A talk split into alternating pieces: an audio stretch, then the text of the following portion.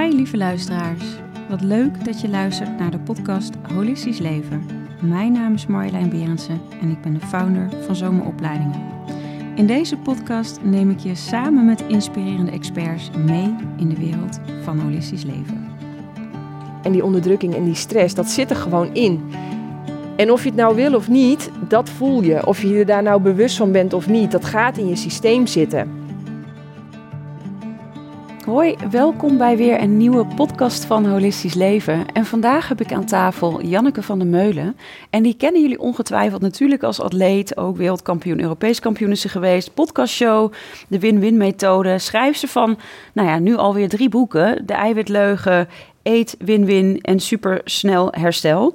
Ook nog één op één coach, groepstrainer, spreekster. Nou ja, uh, ik kan wel even doorgaan. Maar het leuke is dat ik Janneke heb ontmoet bij Eckhart Tolle. Eckhart Tolle. was heel leuk. Wij zaten, nou ja, één rij eh, van elkaar verwijderd in een hele grote zaal met, nou, ik denk wel 12.000 mensen. En dat was meant to be dat wij elkaar uh, daar ontmoeten. Ja. Dus ja. zodoende zitten we eigenlijk bij elkaar ook in de podcast. Maar zie je over een paar weken bij Janneke en jij Ja. zit nu bij mij. Ja, hartstikke Welkom. leuk. Ja, dankjewel. Heel leuk. Ja, Ja, we gaan eh, lekker starten. Ehm, Janneke, de eerste vraag die ik altijd stel. Wat betekent holistisch leven voor jou? ja. Nou, daar had ik me natuurlijk heel lang op voor kunnen bereiden, want ik weet al een tijdje dat ik hier zit. Eh, maar holistisch leven, ja, waar ik dan gewoon direct aan denk, is dat we eigenlijk maar één, allemaal dezelfde moeder hebben. En dat is moeder aarde. En hoe verschillend we ook allemaal zijn, we zitten wel met z'n allen op die ene planeet. En eenheidsbewustzijn, dat is waar ik het in mijn boek heel veel over heb. We komen allemaal, hè, zoals de spiriwires dat dan noemen, uit diezelfde bron. En, eh, en we leven met z'n allen nu in die dualistische ervaring op diezelfde aarde. En mijn gedrag heeft dus invloed op jouw gedrag en jouw gedrag heeft invloed op mijn gedrag. Ja, en hoe leuk zou het zijn als mijn gedrag een win is, ook voor jouw gedrag, maar ook voor mijzelf. Dus ik ben altijd heel erg bezig van, ja, probeer te denken en te leven op een manier die niet alleen het allerbeste is voor jezelf, maar ook het beste voor de dieren en de aarde. Ja, dat is holistisch leven voor mij Als therapeut betekent holistisch leven natuurlijk voor mij iets anders. Dan probeer ik altijd te kijken van, ja, om op meerdere lagen eigenlijk iets aan te vliegen. Ehm, want we denken heel vaak dat hoofdpijn komt omdat we ergens allergisch voor zijn. Denk aan eh, allergisch voor gluten of allergisch voor zuivel of weet ik veel wat. Maar het kan natuurlijk zijn dat je hoofdpijn hebt omdat je ja, een emotie al vanuit je kindertijd aan het onderdrukken bent. Dus mm, op die manier, ja, dat. Ja, heeft het allemaal met elkaar eh, te maken. Dus fysieke ook met het, ja, met het spirituele, het trauma, ja. trauma's uit je jeugd. Ja, en waar ik ook heel erg aan moet denken, want eh, mijn boeken focussen zich helemaal het eerste deel altijd op voeding. En ik kijk ook op een hele holistische manier op voeding. Want de 9, nou 99 eigenlijk van de 100 boeken, eh, als ze over voeding gaan, dan zeggen ze eigenlijk altijd van, ja, dit is verkeerd om te eten en dat is goed om, goed om te eten. En 9 van de 10 keer moet je eigenlijk ook iets minder eten en iets meer bewegen. Want Ja. hè, we moeten, Ja. we zijn collectief te zwaar. Wat ik dan altijd veel interessanter vind om te bekijken is, maar waarom eet je te veel? Ja, wat zit erachter? Ja, want ik kwam erachter. Dat was voor mij ook echt een eye-opener, hè? Ik had het ook allemaal. Ik wist, eh, ik wist heel veel dingen natuurlijk eigenlijk ook allemaal niet. Maar ja, door eh, heel veel werk van anderen te lezen... en zelf heel veel therapie te krijgen... en heel veel coaches te omarmen...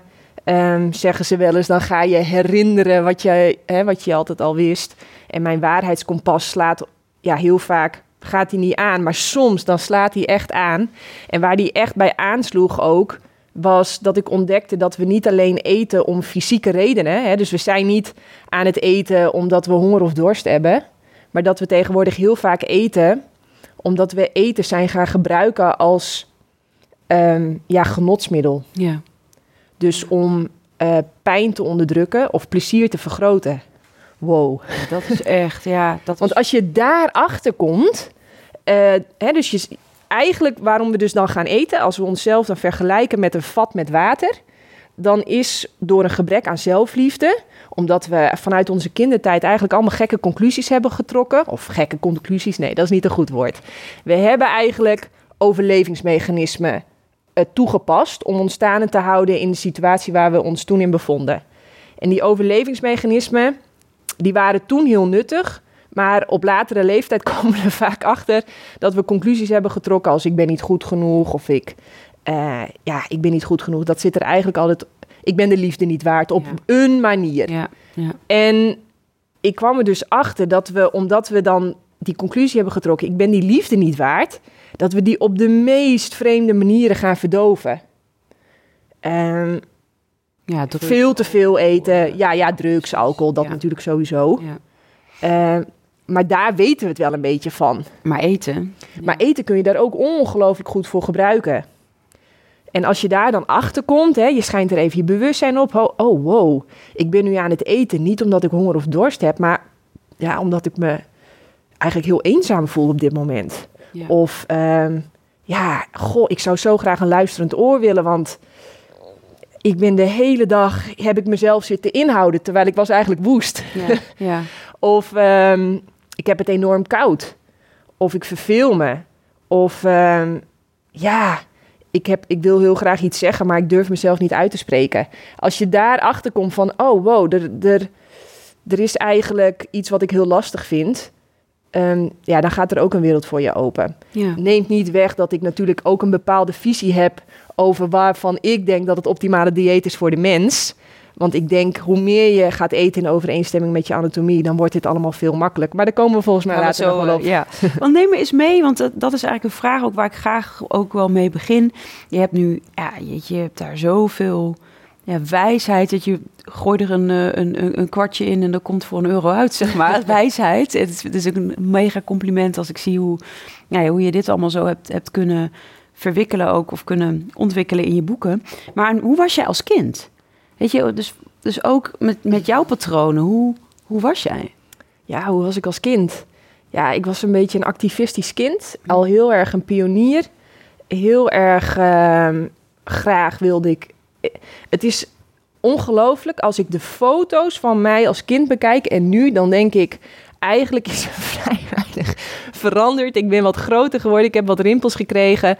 Maar ik doe eigenlijk nog steeds precies hetzelfde. Ik heb foto's van mezelf dat ik in mijn badpak achter de typemachine zit, omdat ik tussen het spelen door en het zwemmen door eventjes een verhaal op papier moet zetten. En dan denk ik, nou, er is dus gewoon echt niks veranderd, want ik train nog steeds twee keer per dag, wat Ja. ik altijd buitenspelen voor volwassenen noem. Ja, ja. En dan kijk ik naar de wereld en dan verwonder ik me, dan verbaas ik me en alles daartussenin. En dat moet dan op papier. Ja, ja. En, en ja, dus hoe was ik als kind? Ik eh, zong liedjes, eh, roken, roken. om- ik was echt een activistisch kind. Ik vond het ook fantastisch om verhalen te schrijven. En wij mochten dan altijd wie het leukste verhaal schreef, dat mocht, die mocht dat voordragen aan de bovenbouw. Nou, dan haakte de helft van de klas al af. ja En dan stond ik natuurlijk vooraan. Dat vond ik fantastisch. Ik wilde wel naar die bovenbouw. Ik wilde wel mijn verhaal vertellen. Hoe spannend ik het, ik het ook vond hoor. Ik vond het ook spannend. Maar ik vond het Je daagde jezelf wel uit. ja, de, de, het verlangen om daar wel voor die groep te staan en dat toch voor te dragen, die won het dan toch net. Ja, ehm, ik was groot, ik was sterk.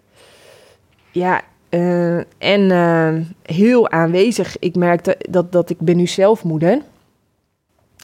En mijn dochter lijkt heel erg op mij. En ik mocht soms niet op verjaardagsfeestjes komen. Dat was, ja, vind ik nog steeds, eh, dan Ja. denk ik, wow, heftig. Omdat ik, ehm, ja, ik breng veel energie met me mee. Ja. En ik, ik merk dat nu, ik zie dat ook aan mijn dochter, dat als jij laag in je energie bent en er komt zo'n energiebom, dat is, dat is, ja, dat is heftig. Dus ik, ik begrijp nu de moeders van toen, hè, toen kregen ze een dikke vette middelvinger van mij, want dan dacht ik, wat ben jij voor... Nou, Ja. ik zal het even netjes Ja, houden. Ja, ja voor moeder. Ja. dat ik niet op dat feestje mag komen. Eh, maar ja, ik, ik snap het ook. Als jij natuurlijk zelf aan het overleven bent en jij hebt eigenlijk niet eens genoeg energie voor jezelf. En dan komt zo'n zo'n zo'n groot, sterk energie, ja, energiekind binnen. Ja. Ja, ja. dat is heftig. Dat is heftig, ja. ja. Dus eh, ja, hoe was ik als kind? Ja, Dus dat heeft jou ook wel, denk ik, gevormd in... mag ik dan niet zo zijn? Of, of vul ik dat in? Mm, Of had je daar gewoon ook een soort van scheid aan, zeg maar? Nou, ik ben heel gevoelig. Dus ik Nou heb, ja, dat, dat valt me op. Dat Ja. is wel grappig, want die, die, Ja. die, je ziet het gevoelige en het hele krachtige. Ja, ja. Nou ja, kijk, ik wil natuurlijk ook het liefst dat iedereen voor mij staat te applaudisseren. En al mijn ideeën en verhalen en de manier waarop ik vertel en wat ik vertel, dat iedereen dat allemaal fantastisch vindt. En dat is natuurlijk niet zo. nee, nee. En hoe meer je met, het kop, met je kop boven het maaiveld uh, uitgaat, hoe meer mensen een mening over je gaan hebben. Dat hebben ze trouwens sowieso. Hè? Mensen, Sowieso. Hebben, hè, mensen denken heel vaak van uh, als ik zo doe, dan uh, hebben mensen geen mening over me. Of je nou links gaat, rechts, rechtdoor of achteruit. Mensen hebben altijd een mening over je. Dus dat hou ik ook altijd heel goed in mijn achterhoofd.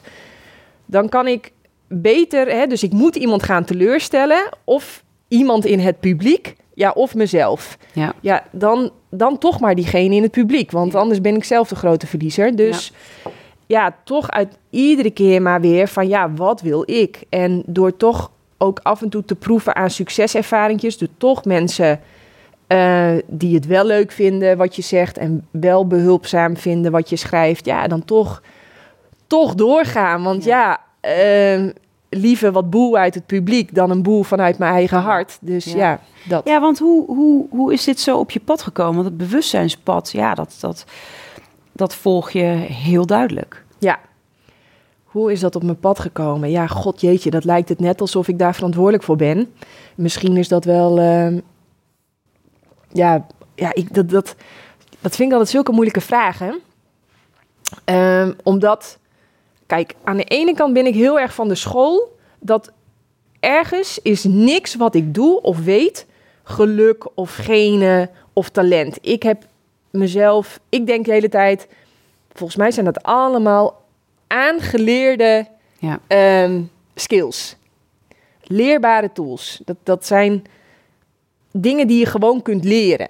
Eh, maar goed, ik heb natuurlijk aan de andere kant wel weer het geluk gehad dat ik heel makkelijk, snel en veel lees. Ja. En dus leer. Ehm, maar hoe is het op mijn pad gekomen? Laten we even beginnen. Ja, dat is natuurlijk gewoon pijn. Ja. Pijn. Ja. Dus ik merkte bij mezelf in mijn eigen leven, ik loop tegen patronen aan en die herhalen zich. Eh, na een tijdje ruzie met mensen. Hmm. Eh, niet begrepen worden. eh, me eenzaam voelen. Ehm, ja. me niet gewaardeerd voelen. God, wat hebben we nog meer aan de kant? Ehm, eh, iets heel liefdevol bedoelen. En door andere mensen constant dan de, de feedback krijgen: Jeetje, wat ben jij bot? Of Jeetje, wat ben jij hard? Dat ik denk: Wow, hier is een hele grote mismatch tussen wat ik probeer over te brengen en wat ik terugkrijg. Ja, dan kan ik natuurlijk naar de ander gaan wijzen: van jij bent een sukkel en eh, jij snapt mij niet. Maar ik kan natuurlijk ook hand in eigen boezem Ja. steken en Ja. eens kijken van. Wat zend ik dan uit? Of wat? ja, precies. Ja. Is er misschien, hè, want uiteindelijk ben ik uiteindelijk altijd zelf degene die er last van heeft. Ja, en, ehm, en, en, en ik weet nog heel goed dat ik eh, voor de eerste keer ook naar een psycholoog ging en dat mijn vader zei: Jij naar een psycholoog van alle mensen, jij. Maar toen dat ik wel heel erg mijn poot stijf hield, zo van ja, tuurlijk, het gaat wel lekker in mijn leven en ik heb alles lekker op de rit. Maar ja, ik kan ook leren en ik heb ook blinde vlekken en ik heb net als iedereen ook trauma's opgelopen in mijn jeugd. Ik vind het bijna arrogant om te denken dat Ja, dat dat, dat niet zo is. dat, niet zo is. Dus, eh, en ik heb net als ieder mens ook blinde vlekken. Ehm, dat is, daar wordt ook niemand van vrijgespeeld. Dus volgens mij, hè, en dat leer ik natuurlijk heel snel van Eckhart Tolle ook. Ja. Je hebt twee doelen. En je ene doel is je innerlijke doel. En dat is eigenlijk ontwaken, zodat Ja. Ja. het bewustzijn, hè, dat, dat, dat eenheidsbewustzijn, die bron, die energie, eh, dat die ja, steeds lekkerder kan stromen en eh, hè, dat het leven eh, steeds meer eigenlijk door jou heen zijn ding kan doen. Ehm, en aan de andere kant heb je, een, heb je uiterlijke doelen. Ja, en dat is eigenlijk het, het spelletje hier. Ja. Nou ja, en daar heb, dat heb ik heel serieus genomen, Ja. om het zo Ja. te zeggen. Ja. Ja. Ja, want toen ben je natuurlijk ook je, je boeken gaan, eh, gaan schrijven. Wil je daar wat over vertellen? Eh, ja, nou, ehm, ik zit wel eventjes te denken van, ik probeer wel altijd antwoord te geven op een manier die echt helpend is voor de, Ja. voor de luisteraar. Ja. Dus aan de ene kant vind ik dat ik, ik, ik niet zo heel Ja. interessant. Aan de andere kant snap ik dat mensen het mis- misschien leuk vinden om te weten wie ik ben en waar ik vandaan kom. Maar ehm, ik merkte al heel jong dat En dat komt natuurlijk omdat ehm, ik heb twee ooms die hebben een boerderij. Dus daar kon ik met eigen ogen zien wat er met de dieren gebeurt. Waarvan wij uiteindelijk hun melk drinken, of Ja. hun yoghurt eten, of hun kaas eten, of het vlees opeten, of de eieren nemen. En dan bekijk je dat als kind. En dat is dan heel, als je lichaamsbewust bent, check dan maar eens even bij jezelf in wat er gebeurt als je daarnaar kijkt. En je lichaam schokt en verkrampt en verstart en wil wegkijken en Je wil dit niet. oeh en zo. Ja, en dat had ik natuurlijk ook, Ja. want ik ben ook een mens. En ik denk dat wij als diersoort niet zijn gemaakt om anderen, nou überhaupt eigenlijk niet om anderen pijn te doen. Ik denk dat wij een hele ja, vredelievende diersoort eh, zijn die eigenlijk alleen maar goed willen doen. Dat dat soms Ja. heel beroerd uitpakt, Ja. daar ga ik natuurlijk geen nee tegen Nee. zeggen. Maar hè, dat de weg naar de hel geplaveid is met goede bedoelingen, eh, dat zie ik natuurlijk ook non-stop ge- eh, gebeuren. Maar wij proberen wel echt goed te doen. Ja, Ehm, en dan zie je dat en dan, dan reageert je lichaam zo, je wil wegkijken. Maar dan merk je ook direct dat je overtuigingen hebt. ja. Ja, maar ik heb vlees nodig. Of ja, maar ik heb dit nodig. Of- Ja. ja. En, en eh, ja, en je weet daar, ik wist ook helemaal niet, wat moet ik dan in vredesnaam anders eten?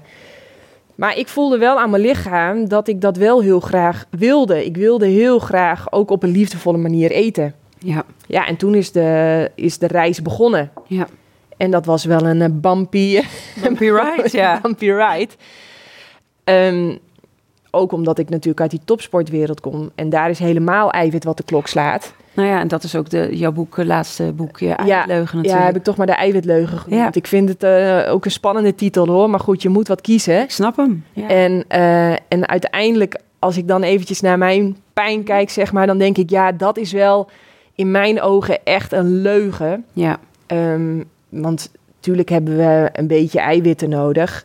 Maar die zitten volop in fruit en planten en zelfs en, en dan meer dan genoeg. Dus en misschien komt het vanuit pijn, maar misschien komt het ook uit, uit een soort van verlangen. Omdat ik het zo'n ongelooflijk gave ontdekking vond. ja. Dat, en dat, hè, ik eet nu al twaalf jaar helemaal win-win. Ja. Hè, dus Ja. het allerbeste voor mezelf en het allerbeste voor de dieren en de aarde. Op basis van heel veel fruit, aangevuld met wat planten. Mhm. Ja, want dat Eh, eet je zo, even zo door de dag heen. Ja, Mensen die je volgen, die weten het natuurlijk wel. Maar het is misschien mooi voor de mensen die jou nog niet kennen. ja, Hoe nou, ziet het eruit? Ja. Nou, dat is heel veel fruit, fruit, fruit, fruit. Heel veel groene smoothies. Eh, de win-win smoothie is bekend. Ja. ja. En eh, de win-win salade. En dat is echt, dat is een, een maaltijdsalade waar zelfs mannen zoiets van, eh, van hebben van... Yes. Man, dit is lekker, dit vult Ja. goed. Ja. Ehm, dus ja, het is, het is eigenlijk heel simpel. Ik eet de hele dag de top 5, noem ik dat. Ja. Dat is eh, fruit, bladgroen, kruiden, kiemen, zeewier en overige planten, zeg ik altijd. Dus denk aan zoete aardappel, kikkererwten. Ik eet natuurlijk soms ook wat eh, vegan junkfood. Ja, Eh, ja. ja, wat kan dat zijn? Even een repie of een energieballetje of een maïswafel of... nou ja, dat soort dingen. Ja. ja. En, ehm, ja, en dat vond ik gewoon zo fascinerend. Ik dacht echt, wow, het is dus niet alleen mogelijk Ja, hè, met is- passen en meten Ja. om het ook op een liefdevolle manier te doen. Nee, ja, Ja. ik ontdekte dus dat eh, zelfs op basis van de betere wetenschap, dat er dus gewoon superveel support is voor dit. Sterker nog, Je hebt veel topsporters die helemaal vegan eten, toch? Al veel, veel, veel. Nou, het begint wel te komen, ja, ja, ja, ja, ja, Ja. zeker. Ja. Ja, het wordt steeds Ja, meer. in ieder geval, ja, oké, veel, maar het wordt wel meer, toch? Ja, het wordt ja, absoluut. Ik hoor het steeds meer. Ja, nee, dat komen. is ook zo. Nee, maar dat is ook zo. Het wordt, ja, ik weet niet. Ik heb sowieso het idee of ik zit in een enorme bubbel. Hè. Dat kan Ja, ook, maar ja, Het wordt Eh, echt bewuster. ja, ja, ja, absoluut. Ja, Ja. ja. Ik bedoel, ik weet nog back in the days als ik zei veganistisch, dan moest ik bijna, weet je wel, Ja. dat gaan spellen en Ja. uitleggen. En Wat? nou, dat is helemaal niet meer zo. Nee, nee, Echt overal waar ik ter wereld kom, is dat echt wel... ze eh, weten het, ja. het staat op de kaart. Of als je het zegt, nou, soms even met een kleine instructie, maar Ja, want ik bedoel, het, is wel mooi ook wat je zei, waar, waar je het gesprek ook mee begon, hè, met, met dat eh, we hebben nu natuurlijk even qua inhoud of wat je kunt, nou wat je zou eh, wel en niet zou kunnen eten voor die win-win situatie, zodat je ook nou, eigenlijk trouw bent aan dat waarheidskompas, als ik maar even jouw Ja. woorden mag gebruiken. mijn waarheidskompas. jouw hè. waarheidskompas, ja. Het kan best zijn dat het voor iemand anders anders is. Precies, maar jouw waarheidskompas. En, ehm, en hoe verhoudt zich dat tot die emoties? Want dat vind ik ook nog wel een mooie. Ik kan me voorstellen dat dat ook... eh, ehm, nou, wat, je, wat je aangaf van... Goh, heel veel mensen hebben natuurlijk ook de behoefte om... eh, om maar die... Nou ja, of inderdaad die lust te hebben hè, van iets wat ik graag verlang... in de vorm van, oh ja, ik, ik dek iets af eh, qua eenzaamheid... dus ik vergroot het ge- genot. En de anderzijds is het eh, ergens van weglopen of... of eh, hoe kan je dit hier ook in passen? Hoe zit dat zelfonderzoek voor jou hierin? Ik ga hem even van een hele andere kant benaderen. Maar waar ik achter kwam, dat je, heb, je je hebt eigenlijk twee typen maaltijden. Sommige maaltijden die eh, kosten je energie. Nou, daar hoef je niet heel intelligent voor te zijn. Nee. Je hoeft alleen maar in te checken bij je eigen lichaam. Alleen maar een grote M eh, te tekenen. En dan, en dan weet je dat. En je hebt maaltijden, dat voel je direct aan je lichaam, die geven je energie. ja, Maar keep in mind, ehm, wij bestaan voor een heel groot gedeelte uit water en water kan energie opslaan. Ja. Mm, Maar als het goed is, bestaat wat wij eten, wat wij, ja, ook voor een heel groot Ja. deel uit water en dat slaat ook energie op. En dat is de hele tijd met elkaar aan het samenwerken. ja, En ik kwam erachter ehm, dat als ik dierlijke producten, die zitten, of het nou biologisch gras gevoerd en, en vertroeteld is op weg naar de slacht. Niemand is- wil nee. vroegtijdig en onnodig eigenlijk eh, jong sterven. Dat zo, zo werkt het eh, niet in de natuur. We willen echt wel op een gegeven moment doodgaan, maar als de tijd daar, daar- is. daar niet, is. eh, nee. Precies. Ehm, dus die pijn, die angst, die stress en die onderdrukking van dierlijke producten zit opgeslagen in die dierlijke producten. Dus even los van de Ja, koolhydraten, ja, vetten, Ja, eiwitten en welke mineralen en die zogenaamde... angst, Die doodsangst zit erin. Ja. Ja, dat, dat zit erin. En ja, en die onderdrukking en die stress, dat zit er gewoon in. En of je het nou wil of niet, dat voel je. Of je je daar nou bewust van bent of niet, dat gaat in je systeem zitten. En wat ik dus nou zo grappig vind, is als je voeding gaat eten van een veel hogere trilling, ja, daar gaat jouw trilling ook op mee. En dan wordt het zoveel makkelijker om je kwetsbaar op te stellen, om ehm, überhaupt contact te maken met je emoties, om ehm, ja, het is, het is, je wordt veel ontspannender. Want ja, je hoeft al die stress, pijn en onderdrukking van, Ja. van die andere talloze dieren, hoef je niet mee te zeulen en te dragen en te onderdrukken of een plekje te geven. Man, als ik erover praat, dan denk ik al, wat al, hè? Ja. wat ja. een energie kost dat. En energie is uiteindelijk wel wat het verschil maakt. Dus als jij... eh, ja, ik, ik vind het zo'n makkelijke ingang eigenlijk. Als je dus begint met heel te eten op een manier met een hele hoge trilling, vrij van stress, pijn Ja. en angst en onderdrukking, ga ik echt niet zeggen dat het in de wereld van fruit en planten alleen maar roze geur en maneschijn Nee, is. Daar worden natuurlijk ook wat bestrijdingsmiddelen eh, gebruikt. Daar worden soms ook mensen uitgebuit die voor een habbekrats op die plantages moeten werken. Ja. Dat is natuurlijk ook allemaal niet fantastisch. Maar het is nog steeds beter dan. Ja. Nou, ik ben blij dat jij het zegt. Ja. en hoe, eh, want, want dat heb je, hoor je ook nog wel eens hè, met artsen die zeggen van vooral bij vrouwen met ijzertekort. Hoe, eh, hoe vang je dat op? Ja, Want dat Nou, is dat is wel sowieso- veel gehoorde. Hè? het is het, de meest voorkomende mineraaldeficiëntie. Ja, Ehm, en bij topsportende vrouwen is het gewoon ongeacht je dieet. Dus ja, ik heb wel eens het idee... Ja, hoe, hoe, hoe normaal en natuurlijk is het voor een vrouw om topsport te bedrijven? ja, ja, ja. Ik weet het niet. Ik beleef er zelf wel ontzettend veel plezier aan. Het is voor mij echt mediteren. Ik bedoel, roeien, hè, dat Ja, is dat, dat, dat ritme, vlak over het water, opkomende zon, stilte, geen telefoon, geen afleiding. Alleen maar ik, mezelf, mijn ademhaling, mijn gedachten. ja. ja. Ja, dat is natuurlijk, eh, ik vind het fantastisch. En er is geen sport waar je zo sterk en, ja, maar ook sterk en fit van wordt, wat je natuurlijk ontzettend helpt. ja. Ehm, dus je stelt me nu wel een vraag waar ik zelf ook nog geen antwoord op heb. Want ik vind Ja. het ook heel opvallend. Kijk, ik heb natuurlijk wel allemaal losse fladders aan antwoorden, hypotheses. Ja. Komt het omdat we fruit en de planten veel te onrijp plukken? Zitten er daarom nog te weinig zonne-energie, hè, te weinig vitamine, mineralen in? Eh, zit het hem erin omdat we ja, allemaal gevaccineerd worden als kind? Eh, ja, wat doet dat met ons immuunsysteem? Dat weet ik ook niet. Ehm, zit het hem erin dat we... Ja, nou ja, in, in Nou ja, belasting hè, kan ook. Ja, maar ik bedoel, als er iets het lichaam zuur maakt, dan is het stress. Nou, we, we, we- het is bizar hoeveel stress mensen non-stop hebben. Ja. Wat gebruikt eigenlijk je lichaam om stress te bufferen? Dat zijn mineralen. Ja, Dus als jij non-stop veel stress hebt en ja, ja, ja, dat zie je, die low eh, inflammation nu ook tegenwoordig veel meer. Hè? Die eh, laaggradige ontstekingen, dat is iets wat Ja. veel eh, speelt. ja, Maar is inderdaad, ook- met ijzer, ja, je hoort het dan toch wel van... ja, nou ga dan maar weer vlees eten. ja, zonde. Er zijn betere oplossingen.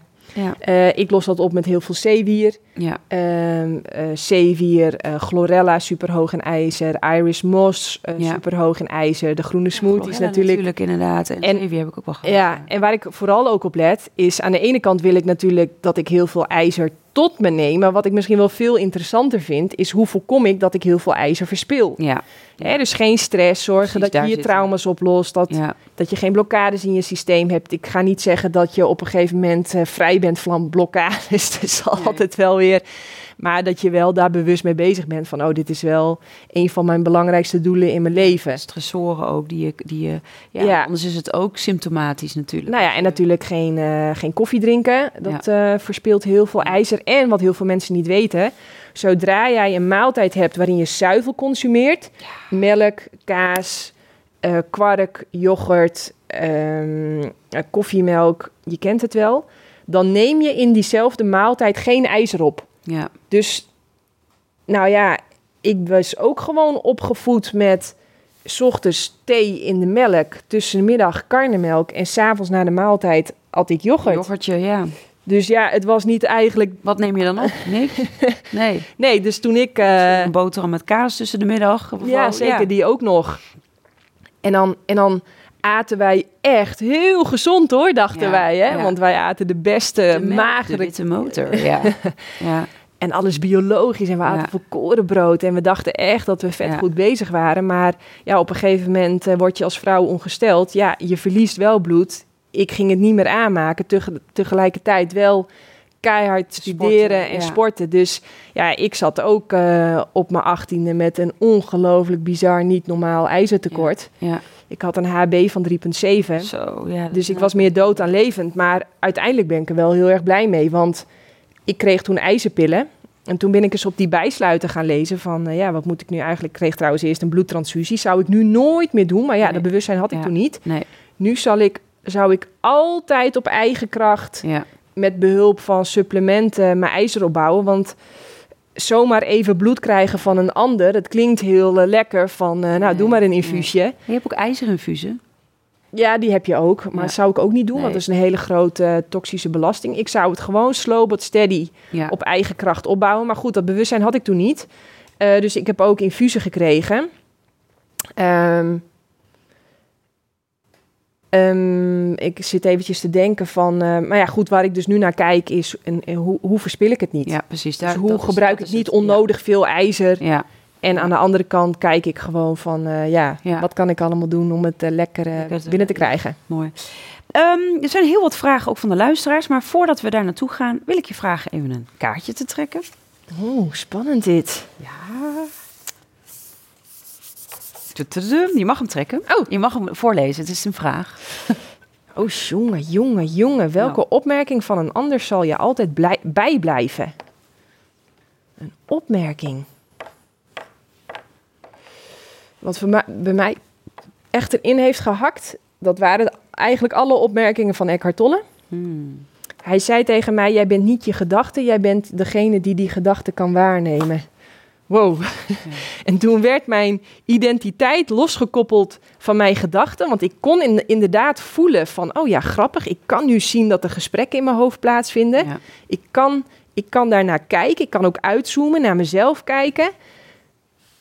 dat gaf zoveel rust. Hmm. Ik had daarvoor nog wel eens dat ik dan... eh, en ik had dit moeten zeggen. En ik had dat anders moeten aanpakken. En, het, en dan lag ik in mijn, in mijn bedje, jongen. En dan... Nou ja, ik ga natuurlijk in mijn bed liggen, net als iedereen, omdat je wil gaan slapen. Nou, dat lukte dan dus niet. Nee. En Eckhart Tolle, toen kreeg ik eindelijk rust in mijn hoofd. Hmm. Man, dat was echt... eh, ja, wat heeft Eckhart Tolle, wat heb ik nog meer van hem geleerd? Nou, dat was het belangrijkste. Dus jij bent die waarnemer. Je bent niet je gedachten, je hebt gedachten. Kijk er maar eens naar. Oh ja, geinig. Ja, dat is dit. Ja, dat was... ehm nee, Eckhart Tolle, dat heeft wel heel veel verschil voor mij gemaakt. Mooi. Ja, dus... eh, Ja, mooi dat we elkaar daar ook ontmoeten. ja, geinig toch? Heel leuk. Nou, heel wat vragen. Ehm, begin ik ehm, bij de eerste.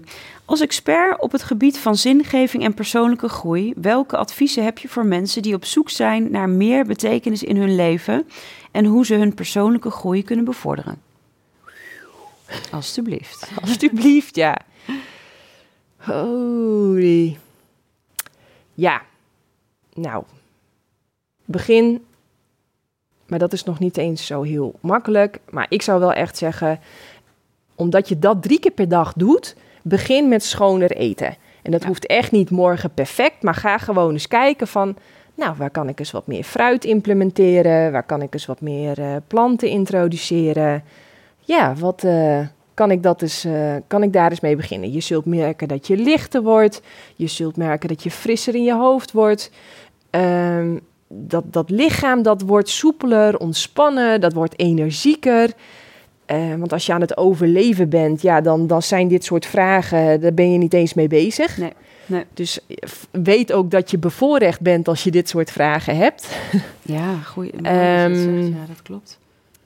En ik zou eigenlijk zeggen, ga het dak repareren als de zon schijnt. Dat is niet alleen leuker, dat is ook makkelijker. En, ehm, en wat bedoel ik daarmee is, je mag echt best wel, hè, als we dan toch aan het eh, met luxe problemen te maken hebben, zeg maar.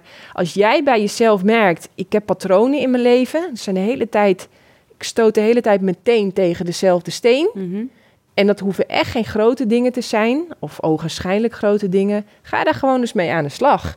En dat hoeft helemaal niet dramatisch. En dan hoef je helemaal niet urenlang te graven of te huilen of weet ik helemaal niet. Ja, bekijk het als in het zonnetje even het onkruid daar onder de tegels vandaan halen van je opritje. Mm. En, en ja, blijf dat gewoon iedere dag doen. Dus, ehm, en zoek, zoek iemand waar je een klik mee hebt. En je waarheidskompas, die geeft je dat antwoord wel. Ehm, ik ben ook blijven zoeken, blijven zoeken. En op een gegeven moment, ja, ik heb nu wel echt een paar therapievormen waarvan ik denk, lekker snel, lekker Ja. makkelijk. Lekker effectief. Ja. Ja, hè, denk aan Psychica, denk Ja. aan PRI, denk aan EFT Ja. of smart tapping. Hè, EFT, smart tapping, een beetje hetzelfde. Mhm. Ja, dat zijn voor mij wel dingen ehm, Ja, die, eh, die jou... eh, ja, die mij enorm helpen. Ja, mooi. Ehm, je bent een vrolijke veganist en haalt veel energie uit fruit. Kun je ons wat meer vertellen over je voedingskeuzes en hoe je deze atletische prestaties hebben beïnvloed? Ja. Ja. Nou, mijn eerste boek heette natuurlijk niet voor niks Supersnel Herstel. Ja, Want ehm, je hebt voeding die het li- lichaam energie geeft en je hebt voeding wat het lichaam energie kost. En ik zeg altijd eigenlijk even heel simpel. Als je al de hele tijd heel veel van je lichaam vraagt door hard te werken, door keihard te trainen, dan moet die voeding niet ook nog eens heel veel van je lichaam vragen. Nee, Ja. die moet je lichaam alle brandstof en medicijn geven om eh, daar snel van te kunnen herstellen, zodat het zijn functies goed kan uitvoeren. Dus ehm, ik ben helemaal afgestapt van de focus op eiwitten. Ik ben helemaal gaan focussen op vocht en eigenlijk vitamine en mineralen. ja. En ik heb de um, opleiding eh, finance gedaan en dan moet je altijd de ROI berekenen, hè, de return on investment. Ja. En dat heb ik eigenlijk ook met voeding gedaan. Dus ik heb gewoon simpel gekeken welke hap geeft mij de hoogste return on investment. En dan kom je er gewoon heel snel achter dat fruit, hè, de top 5, die geeft je het meeste en die kost je het minste. Ja. Hè, geeft je de meeste voedingsstoffen, wateroplosbare vezels, super belangrijk. En hij kost je het minste, want ja, de minste, ik zeg niet dat er geen bestrijdingsmiddelen op zitten, maar op een aardbei zitten natuurlijk altijd nog veel minder gifstoffen dan op een zalmpje of een tonijntje. Ja. dat, dat, hè, mensen zeggen wel eens tegen mij: eet jij, eet jij niet biologische aardbeien? Nou, weet je wel. Wow. Dan zeg ik: ja, weet je, ik had ze natuurlijk ook liever biologisch uit eigen tuin gehad en onbespoten. Ik bedoel, daar gaan we niet over discussiëren. Dus van alle fruitsoorten heeft een aardbei misschien wel de meeste bestrijdingsmiddelen. Maar van alle producten in de supermarkt Ja, is, het, staat het ergens, bungelt het onderaan. bungelt het onderaan. Ja. En dat beseffen heel veel mensen zich niet. Als wij een lijstje gaan maken en een wedstrijdje gaan doen met de, alle producten in de supermarkt. Vis, vlees, orgaanvlees, boter, zuivel. Ja. is echt met stip op één. De meeste microplastics, zware metalen, brandvertragende stoffen, PCB's, bestrijdingsmiddelen. Het houdt niet op. Ja. Dus, ehm, wat was je vraag? Oh ja, hoe bevordert Ja, dat mijn sportprestaties? eh, atletische Nou, prestaties, omdat het heel simpel is. Gezondheid is altijd de basis van fitheid. Als je niet gezond bent, kun je überhaupt niet trainen. Kun je überhaupt die giga grote belasting die het met zich meebrengt om dag in dag uit keihard te trainen, Ja. kun je überhaupt niet aan. Nee, Dus, ehm, ja, voor mij, eh, je hebt hem eigenlijk wel eh, heel erg uitgelegd al. oké. Ja, nou, en dus- de rest staat natuurlijk in mijn boeken. Ja, toch? Ik wou zeggen, ja, ze moeten toch wat te lezen hebben ook. Hoe combineer je je veel eisende carrière met je rol als ouder en partner? Heb je tips voor andere ouders die streven naar een evenwichtige levensstijl? Nou, wat ik als een heel groot verschil zie, is dat ik vraag constant hulp. Dus ik doe niks anders dan eigenlijk uitreiken en vragen: wil je me helpen? Hmm. En natuurlijk geef ik daar salaris of cadeautjes of Ja. waardering voor terug. Eh, maar ik doe niets anders dan een team om me heen verzamelen en het samen doen. Want En ik zie toch wel veel, en dan praat ik even voor de moeders, want hè, ik ben zelf ook moeder. Die, ik zie ze toch veel te veel zelf doen, te veel alleen doen, te veel los van andere moeders. Ja, ik heb het idee dat, dat, dat, dat het allemaal lukt omdat ik een goed team om me heen heb. Ja, ja juist daardoor. Ja, Ja. Samen. Dus hulp vragen, uitreiken. Mensen vinden het zo fantastisch om te helpen. Ja. Heel veel mensen voelen zich bezwaard om hulp te vragen, terwijl ze het zelf hartstikke leuk vinden om te helpen. Ja, Maar ja. Wij zijn een diersoort, knoop dat echt in je oren. Wij vinden het zo fantastisch om te helpen. Dat is een manier om onze liefde te kunnen overdragen. Mm. Maar ja, als jij niet vraagt om geholpen te worden, dan kan ik niet Nee, gaan geven. geven. Dus dan blokkeer je ook nog eens die relatie. Maar door te vragen, kan iemand gaan helpen. Kan iemand jou ook eens een keer vragen. Hop, en dan heb je een relatie. Ja, dan heb je die eigenlijk. eh, ja, mooi. Ehm, kun je ons wat inzicht geven in je trainings- en mentale voorbereidingsmethoden die hebben bijgedragen aan je succes op het hoogste niveau? Dat geheim probeer ik helemaal uit te leggen in dit boek. Dan neem ik helemaal mee hoe ik eet en waarom ik eet. Maar ik neem ook helemaal mee ehm, waarom ik denk en hoe ik dat denken train of juist niet train. Ehm, dus daar probeer ik wel helemaal het fysieke, mentale, emotionele, spirituele, relationele aspect in mee te nemen. Dus laat je niet eh, misleiden door die titel. Het gaat echt niet alleen maar over Nee. voeding. Het gaat over voeding. Dankjewel voor het bruggetje. In een, op een holistische manier. Kijk. Want je voedt je natuurlijk niet alleen met eten en drinken. Je voedt je met gesprekken. Ja. Je voedt je met de krant, met het nieuws, met de mensen om je heen. ja. Ehm, je voedt je echt, eh, je hebt honderden rietjes in die zak met water die je bent. En die worden allemaal wel of niet gevoed met of heel mooi schoon water of met vies water. Ehm, ja, en hoe doe ik dat zelf? Nou, ik zie tegenwoordig om ons heen, en ik weet niet zo goed waar dat bij mij vandaan komt, maar ik ben wel bereid om heel lang hetzelfde te doen. Hmm. En ik heb het idee dat ik daar toch heel erg voor beloond word. Ik bedoel, ik ben een goede roeister, hè? ik ben groot, ik ben sterk, ik heb een goede conditie. Maar als wij al mijn leeftijdsgenoten op een rijtje hadden Ja. gezet, dan zat ik misschien wel bij de top, maar niet bij de ultieme top. Er waren echt wel grotere talenten. Ik ben alleen wel iedere dag consequent komen blijven opdagen. ja, ja. Ook als ik misschien geen zin had. Ook als ik, en dat is echt geen pleidooi voor doorbeuken Nee, maar het is en wel eh, forceren. discipline ook. Eh, ja, nou, het is meer eigenlijk voor mildheid voor jezelf. Hmm. En voor de menselijkheid in plaats van zwart-wit denken. Hmm. Als je zwart-wit denkt, daar heb ik natuurlijk ook last van gehad. Hè? Dan dacht ik, oh, ja, dit wordt waarschijnlijk niet een perfecte training. Dus dan doe ik hem maar niet. Ja.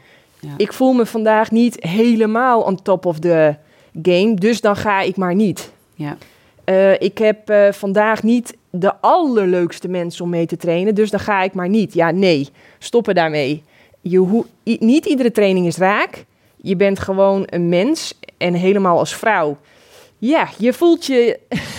Wel wisselend door de maand heen, ja.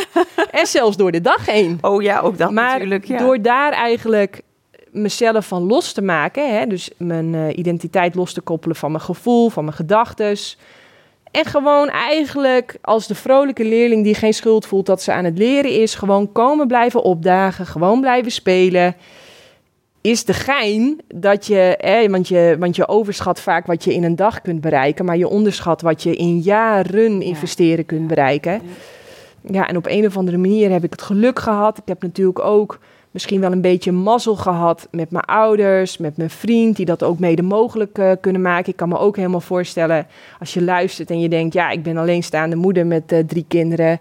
Eh, ja, ik moet gewoon Ja, elke dag, ja. mijn hoofd boven water houden. Waar lul jij over? Dat, dat kan ik me ook goed voorstellen. Maar Ja. ik had, ja, ik had na mijn studie veel gewerkt. Ik had een spaarpotje. Dus toen ik uit het Nederlands team werd geflikkerd de eerste keer, had ik toch nog genoeg geld om toch daarmee door te kunnen gaan. Hè? Stel je voor, je Ja, bent dan bankroet. Precies, ja, dan, dan gaat En je moet gaan werken en je hebt op een of andere manier niet het goede dieet en dus ook niet de goede energie om daarnaast nog heel hard te trainen.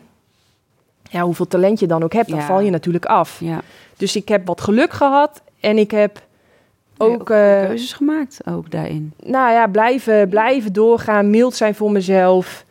Eh, gewoon rustig doorscharrelen, doen wat je kunt. Ja, Ja, dan kom je toch bovendrijven. absoluut, ja.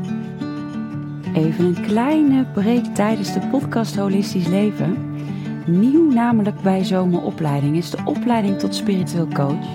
Waarbij je jouw unieke, intuïtieve en mediamieke gaven in kan zetten om mensen te begeleiden naar meer bewustwording. Wil je ook bijdragen aan een nieuwe wereld en wil je aan de slag met heling, multidimensionaliteit en spirituele groei? Kijk dan op www.zoma-opleidingen.nl voor onze locaties en startdata. En we gaan nu gauw weer terug naar de podcast. Wat zijn je plannen voor de toekomst? Wanneer komt je nieuwe boek uit? Boah, dat is denk ik de meest gestelde vraag.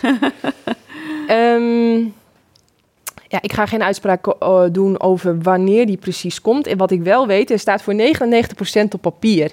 En ik weet niet of je dat herkent. Maar ik voel gewoon dat ik op een punt zit. Er gaan nog wat puntjes op de i komen. En, ehm, en ik weet ook gewoon dat nog niet iedereen heeft dit boek gelezen. Dus dan denk ik, lees eerst dit boek nou maar. Ja. En dan ehm, gaan we door naar het volgende met z'n allen. Dus, ehm, nou ja. Ik, eh, ja, ik, het, het is... Kijk, ik ben dat boek niet aan het schrijven, sorry, met alle respect, maar voor de lezer. Ik schrijf dat boek voor mezelf. Mhm. En wat ik natuurlijk super gaaf vind, is dat dat weer een win-win is. Want Ja. mijn ontdekkingen helpen vaak anderen ook weer enorm. Maar het is wel mijn reis en mijn proces. En het gaat op mijn manier. En ik ga het niet forceren, omdat eh, ik tien mails krijg per dag. Van wanneer is het er nou? Oh, echt, ja? Ja, nee, ja. Het is geduld. Geduld, eh, ja, een beetje geduld eh, kan... eh, nee, even geduld. Maar ik, ik werk eraan, ik ben ermee bezig en het wordt fantastisch. Nou, mooi. Klinkt, Ja. klinkt goed. Hey, en we gaan wat doen. Vertel, we gaan met EFT aan de slag, hè? Ja, ja. Ik las een boek van Robert Bridgman. Ja. Eh, sorry Robert, ik vind dat je prachtige boek hebt geschreven. Ik vond dit eigenlijk het minste boek. maar de gein was, eh, ik coach ook mensen één op één. Hè, dus eh, mijn dag ziet er zo uit. Ik word wakker, ik eet een groene smoothie, ik ga trainen. En dan tussen de ochtendtraining en de middagtraining heb ik tijd om een blog te schrijven, een podcast te maken en mensen te coachen. Ja. En ik merkte dat ik als mensen echt in de angst zitten, in de paniek zitten, echt in hun schuldgevoel zitten, oftewel in hun trauma zitten, in hun verdedigingsmechanisme, zijn ze niet meer creatief, kunnen ze eigenlijk niet meer oplossingsgericht denken, kan de energie niet meer stromen. En dan kun je wel lullen op bewust niveau, maar als er diep van binnen zit geprogrammeerd, ik ben nu niet veilig, kun je lullen tot je een ons weegt, maar dan kom je nergens. Nee. Dus ik merkte van, ik heb dan nu iets nodig om dat zenuwstelsel in de here of the moment te kunnen kalmeren. Ja, direct. Split second. Ja, eigenlijk wel. En dus ik vond het boek niet fantastisch, maar aan de andere kant was het het juiste boek op het juiste moment. Want in dat boek stond een interview met Merel Hovenstad. En Merel Hovenstad, Hoe heet eh, het boek wa- waar, wat je aanhaalt van Robert? Eh, transformatief coachen. Ja, oké. eventjes voor, voor de mensen thuis die... eh, Ja, ja, ja. Oké. mhm. Eh, fantastisch boek, hè? En, maar of een boek fantastisch is of Ja. niet, hangt ook altijd af van wat, welk boek heb je daarvoor gelezen. Precies, Ja. Het is altijd in relatie tot en in vergelijking tot. Dat is trouwens ook zo met gezonde voeding. Het is altijd waar vergelijk je het mee. Maar in ieder geval, dat boek. En Merel Hovenstad vertelt daar, ze is psycholoog. Ze hoort natuurlijk wel van trauma en ze weet dat het er is. En iedereen heeft het daarover. Totdat ze, maar ja, weet je, je kunt ook een ander maar helpen tot het punt dat je zelf bent gegaan. En dat merkt zij ook. Trauma, ja, ze weet het. Totdat haar man voor haar plof neervalt en die moet ze tot twee keer toe reanimeren. De vader van haar kinderen. Nou, dan weet je dus ineens wat trauma is. Ja, heel, heel, en heel veel onveiligheid ook op dat moment. Ja, heel- dus, ehm, dus van, van, oh ja, er is ook iets met trauma, heeft ze helemaal haar missie van gemaakt. Want zij merkte ook van, ja, ze moest heel lang op een wachtrij. Ze ging allemaal verdedigingsmechanismen toepassen die haar eigenlijk alleen maar verder in de shit hielpen. Denk aan roken, denk aan drinken. Ehm, ja, allemaal hartstikke logisch. Want je, ja, je moet je op, een zelf, op ja. een manier reguleren. En als je niet geleerd hebt hoe je dat kunt doen, dan is het voor de meeste mensen, en dat is helemaal niet gek, want dat wordt je als kind natuurlijk al geleerd, eten, drinken en, en nou ja, in ieder geval, zij heeft haar missie gemaakt om daar dus direct iets mee te kunnen doen. En zij heeft mij opgeleid. Hmm. Dus, eh, en zij stond in dat boek en ik heb direct gebeld. Ik zeg, ik weet eigenlijk niet precies wat je doet. Ik heb je stuk ook niet helemaal gelezen. Maar ik, mijn waarheidskompas die ging weer aan als Ik moet bij jou zijn. ja, keihard, weet je wel, bam.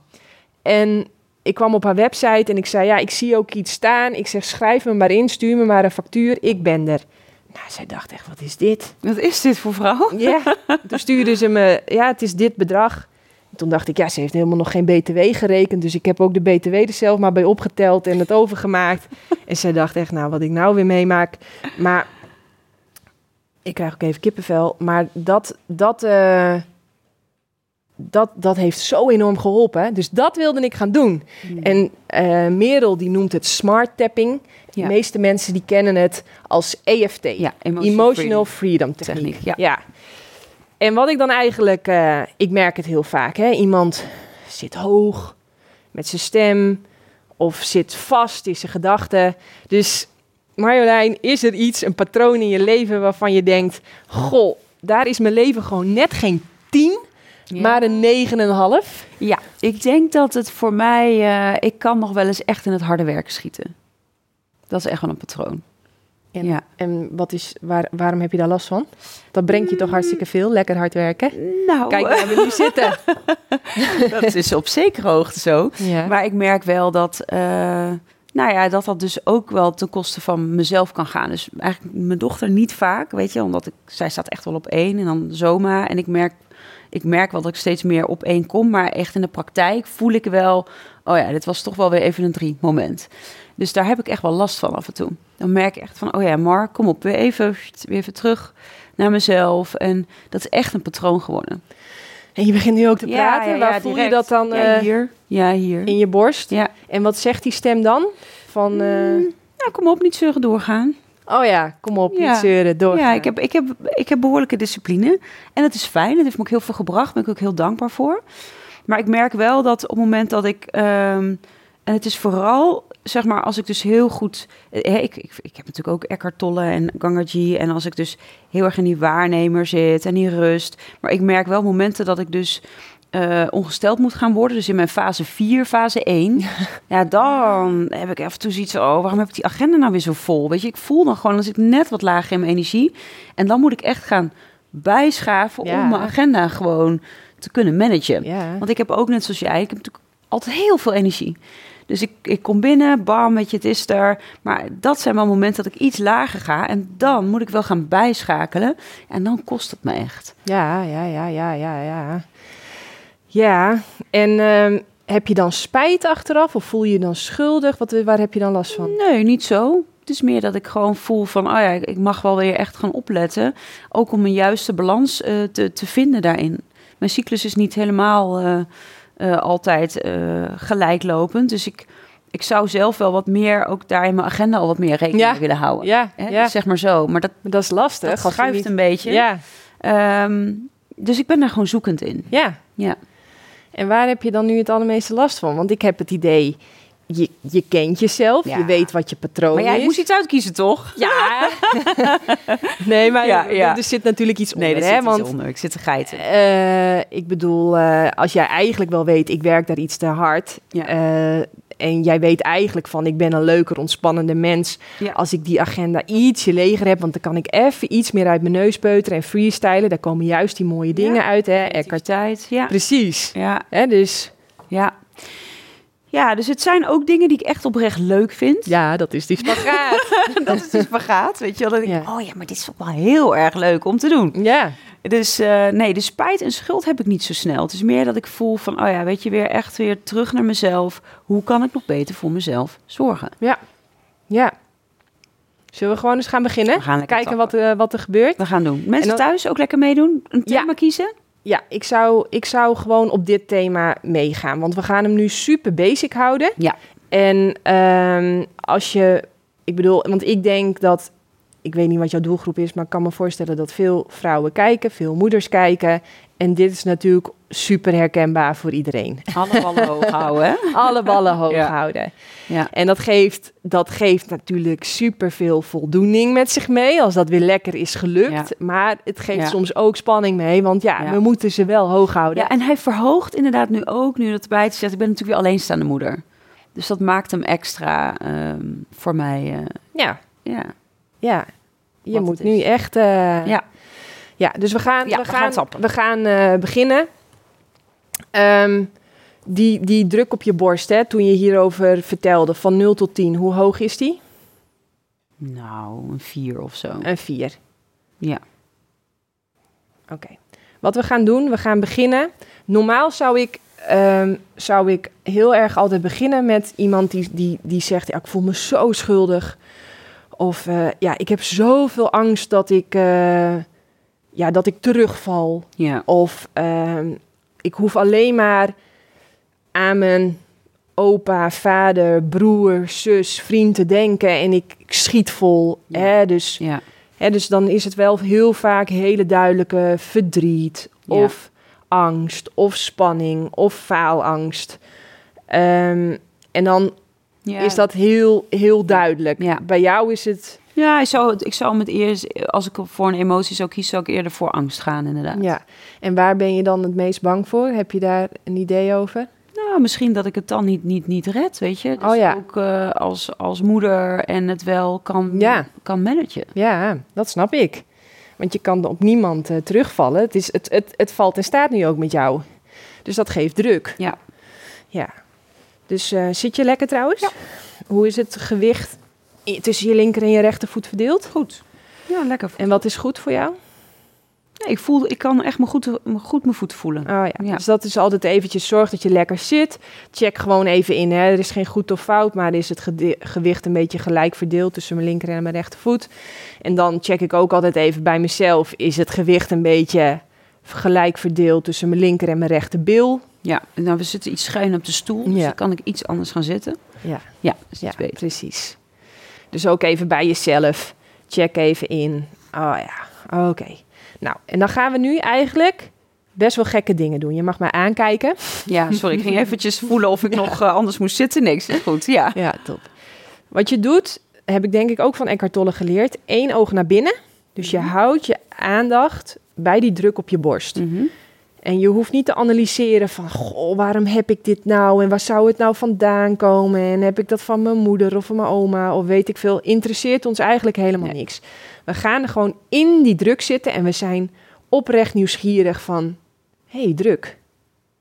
leuk dat je er bent eigenlijk. Mhm. Dus met één oog naar binnen. Mhm. Met het andere oog kijk je naar mij. Mhm. En wat we dan gaan doen, we gaan best wel gekke dingen doen. We gaan op allemaal meridianen, zeg ik Ja, dat goed? Meridianen, ja. Op ons lichaam tikken. Ja.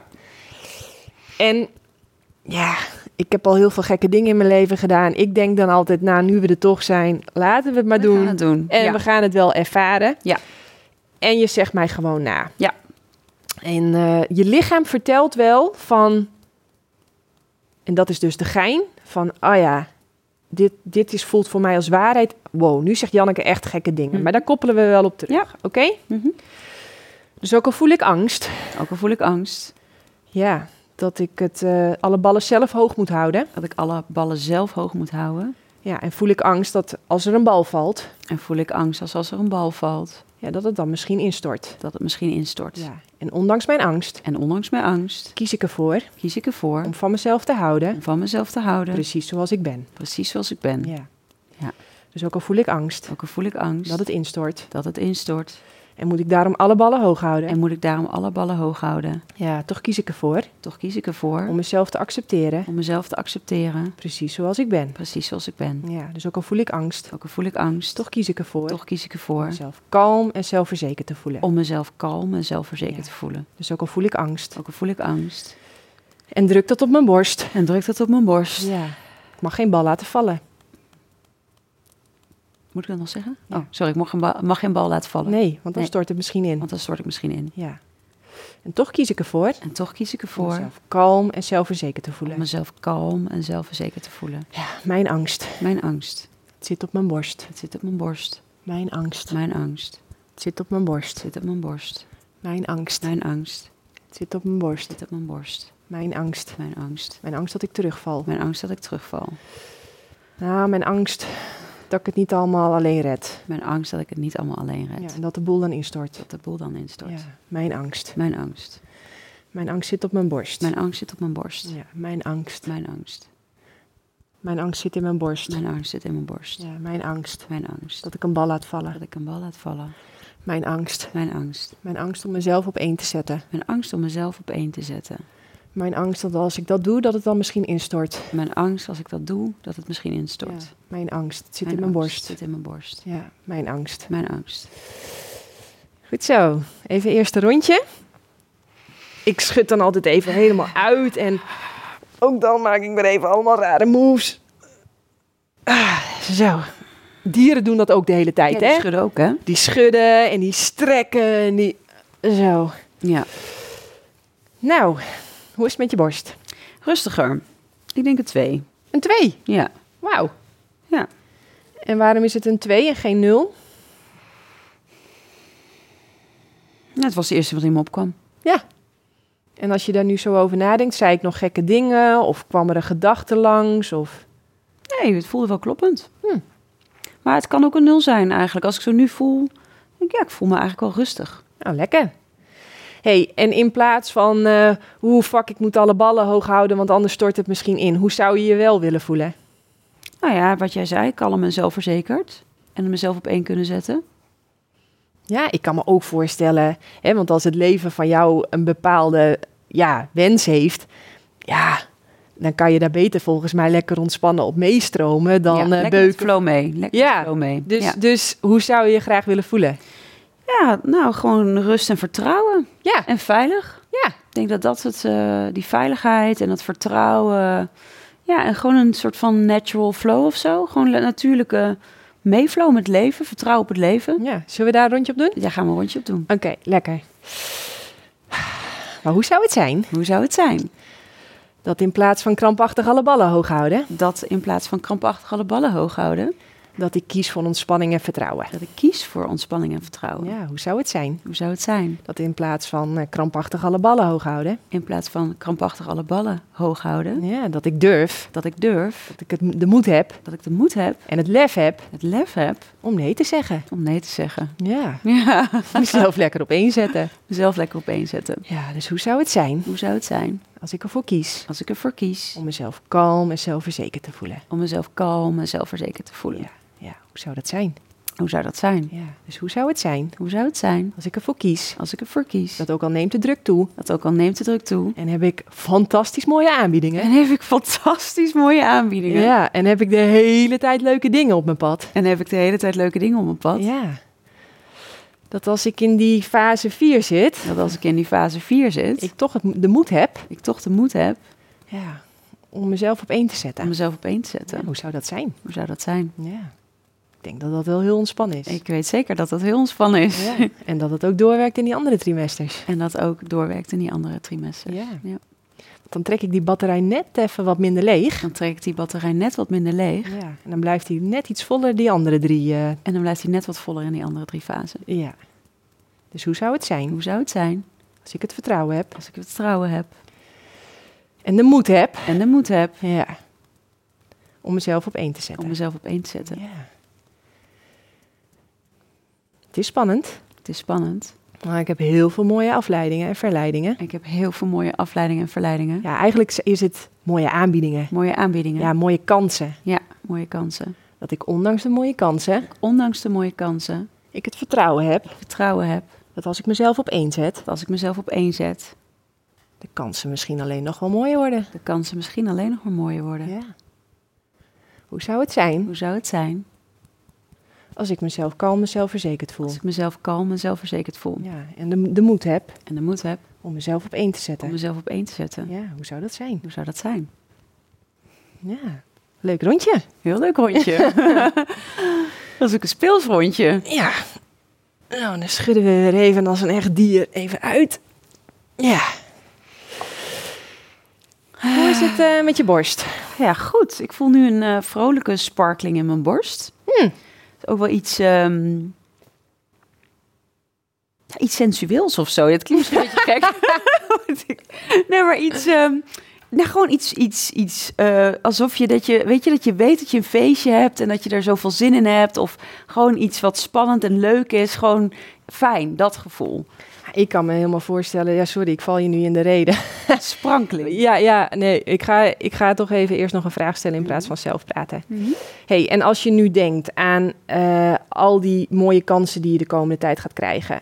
En eh, hoe waarschijnlijk zie jij het dat je denkt van, als het echt voor mij is weggelegd, dan kan deze kans ook wel een weekje wachten. Ik hou die agenda gewoon ietsje leger. Ja, absoluut. Ja? Ja, ja absoluut. Lekker, Ja.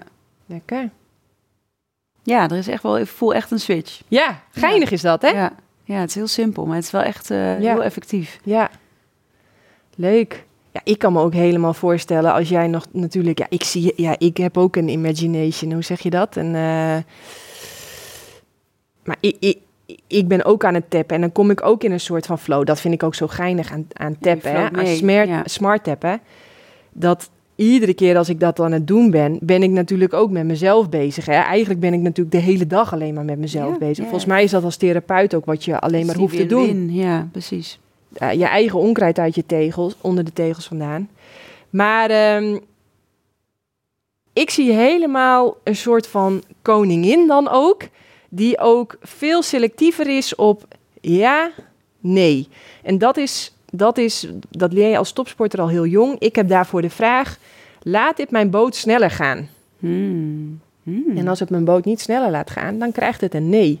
Ja, Dus ik ben heel vaak en heel veel nee, nee, nee. ja. Zodat ik tegen die paar dingen die de boot echt sneller laten gaan, echt ja kan zeggen. En dan gaat die boot dus ook sneller. Dus wij denken, we moeten de hele tijd ja zeggen tegen alles, want anders gaat die boot niet hard. Maar het tegenovergestelde is dus waar. Ja, het is echt een mindfuck ja, bijna. Ja. Ja, ja. Ja, ik voel je. dat dacht ik ook. Dus eh, ja, je bent een koningin en eh, own it. Ga ik doen. Dus eh Dank dank je. Jij Want je gaat toch met je billen bloot hier zo voor de camera. En eh, ja, ik heb het je, ja, je vroeg het eigenlijk aan mij. Ja. En ik vroeg het toen aan jou. En je hebt ja gezegd. Dus eh, ja, heel top. Dankjewel. ja, En eh, ik ga jou laten weten hoe deze koningin zich verder gaat Ja. ontwikkelen. ja, toch? leuk. Lieve Janneke, wij komen al langzamerhand gaan we richting een afronding van deze podcast. Zijn er nog dingen waarvan je zegt dat is niet besproken, maar vind ik wel heel waardevol om mee te geven aan alle luisteraars en kijkers? Niet besproken. We hebben het. ehm, nee. Nee. nee, ik- Nee. nee, ik zou vooral ook zeggen, ga het boek lezen. En vooral vind ik gewoon heel mooi ook jouw bewustzijn te voelen en te horen. Want ja, ook ik kende je in eerste instantie niet. Dus het is toch het, het, het eerste wat je toch al gauw denkt... oh ja, zij doet toch iets met die voeding? Weet je zo? ja. Ja, dat is natuurlijk logisch. Hebben mensen bij mij ongetwijfeld ook... oh ja, is die, is die van Zoma? Oh ja, Ja. die heeft ook die podcast. Of eh, ja, dat je dat... Ze weten ook natuurlijk niet helemaal. Dan vind ik het ook fijn dat je ook wat meer over jou vertelde. En mijn, eh, nou ja, Ja, en toch heb ik echt wel het idee dat de mensen die mijn boek lezen, die lezen mijn boek wel. En, en de mensen die door mij gecoacht moeten worden, weten mij op een raadselachtige manier ook wel te vinden. Dus Maar het is juist heel mooi om ook dat stuk van Ja. jou zo te voelen en zo te zien. Ja. En zo die, eh, nou ja, dat, dat, eh, hoe, hoe je dit doorleefd hebt, echt als ervaringsdeskundige. En ook ehm, daar heel erg voor bent gaan staan. Ik bedoel, je bent niet een. eh, ehm, ja, je weet ook waar je het ook echt over hebt. Je bent ook een topsporter, hallo. Ik bedoel, als jij iets zou uitbrengen wat niet gaat werken, dan merk je dat ook direct. Dus dat, Ja. dat vind ik wel heel mooi om, om te zien. Misschien nog wat laatste, want ja, er wordt natuurlijk best wel veel verteld over voeding. Het is, het is soms best een, een, een labyrint. En die is ingewikkeld voor mensen. Want ook ik moet heel eerlijk zeggen, ik heb ook heel erg gesport, heel veel gesport. Ik zat ontzettend op die eiwit en ik ging daar achteraf zo ongelooflijk slecht op. ja, Maar dat is pas later kwam dat eruit. ja, Dat ik allemaal merkte van, oh ja, het zijn toch best wel wat voedingsstoffen die ik toch ook wel heb gemist daardoor. ja. Ja, ja en, en, en I feel you, want eh, ik kan natuurlijk precies hetzelfde. Hè? Je doet eigenlijk wat je voorgeschreven Ja. wordt, dus je gaat de autoriteit buiten jezelf leggen.